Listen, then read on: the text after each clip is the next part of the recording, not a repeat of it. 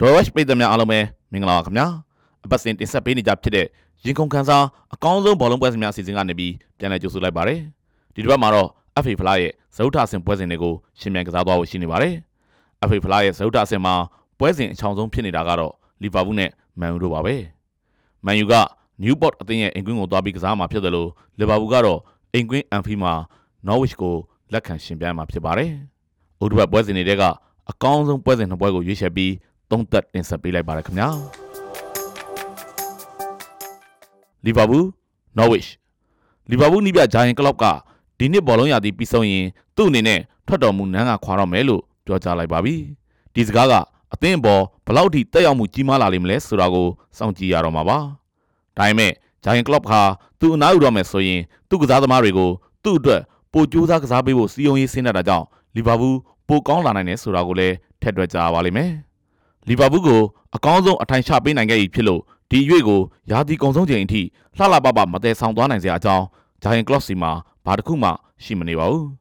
ယာရုကနှုတ်ထွက်မယ်ဆိုတာပြီးခဲ့တဲ့2023ခုနှစ်နိုဝင်ဘာလကတည်းကအသင်းတာဝန်ရှိသူတွေကိုပြောထားပြီးဖြစ်လို့အဲ့ဒီချိန်ကတည်းကပဲဂျိုင်ကလော့ကဘယ်ကွိတ်ကိုဘယ်တက်နဲ့လော်မယ်ဆိုတာတွေးထားပြီးသားဖြစ်ပါလိမ့်မယ်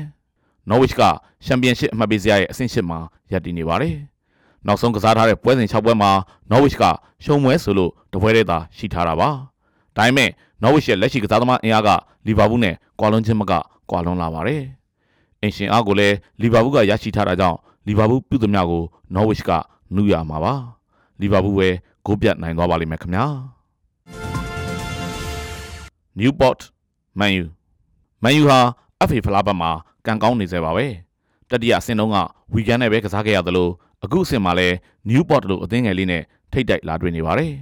Newport ကလိနဲ့မှာတော့အဆင့်14ကိုရောက်နေတဲ့အသင်းမှာ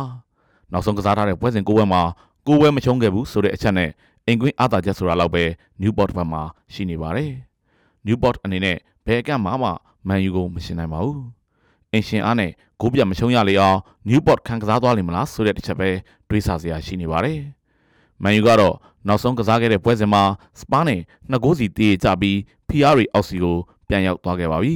။အခုနောက်ပိုင်းနှစ်တွေမှာမန်ယူကဂိုးပြတ်နိုင်ပွဲတွေရရှိဖို့အတွက်အသေးအတန်ကြိုးစားရတာတွေမြင်တွေ့နေရပါတယ်။မန်ယူဟာအဓိကကစားသမားတွေနဲ့အရန်ကစားသမားတွေကိုမျှမျှတတပေါင်းစပ်ပြီးပွဲထွက်လာပါလိမ့်မယ်။ပွဲဆက်များမှုတံကိုမခံကျင်တာကြောင့်တပွဲတည်းနဲ့အပိသက်ပွဲဖြတ်ဖို့ကိုပဲမန်ယူဥတီမှာပါ။နျူပေါ့ဟာခန်းစစ်ကိုအားပြုပြီး တံပြန်တိုက်စစ်တင်နဲ့ပဲမန်ယူကိုချင်းချောက်ရပါလိမ့်မယ်။မန်ယူတိုက်စစ်နဲ့နျူပေါ့ခန်းစစ်အားပြိုင်မဲ့ပွဲစဉ်မျိုးဖြစ်လာပါလိမ့်မယ်။မန်ယူစီကိုဂိုးပြတ်နိုင်ပွဲတစ်ပွဲရောက်ရှိတင်နေပါပြီ။မန်ယူဂိုးပြတ်နိုင်လိမ့်မယ်လို့မျှော်လင့်ထားကြည့်မိပါတယ်ခင်ဗျာ။